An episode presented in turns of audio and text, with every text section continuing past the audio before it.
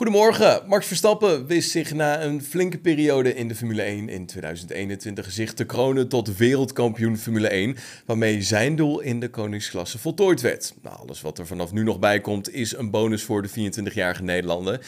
En Christian Horner ziet hoe die titel in Abu Dhabi de Limburger bevrijd heeft. Zoals Verstappen zelf al vaak heeft aangegeven, is zijn doel in de koningsklasse bereikt en ziet hij alles wat hij nu nog pakt aan titels als een extraatje. En Horner ziet hoe dat de Nederlander heeft doen veranderen. Ik denk dat het hem op heel veel punten bevrijd heeft. Die verwachting van het wereldkampioen moeten worden, dat heeft hij nu bereikt. Dat staat nu op zijn cv en alles wat er nog bij komt is een bonus. Zo zegt de Britse teambaas in gesprek met ons GP-fans. Hij is een allrounder geworden, meer ervaren en hij kan de druk ontzettend goed aan. En dat is opmerkelijk voor een 24-jarige. Ik geloof dat hij in het algemeen ook continu aan het evolueren is.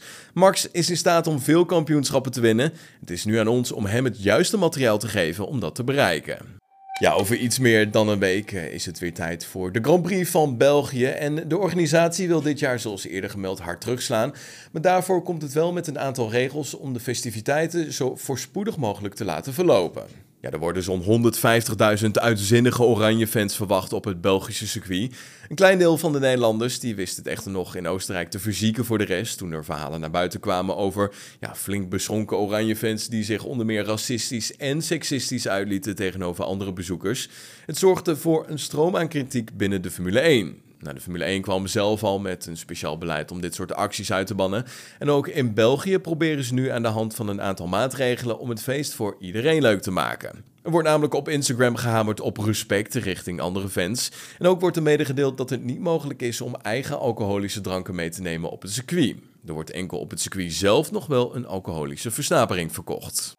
En de Grand Prix van de Verenigde Staten keert dit jaar voor de tiende keer terug op uh, die Circuit of the Americas.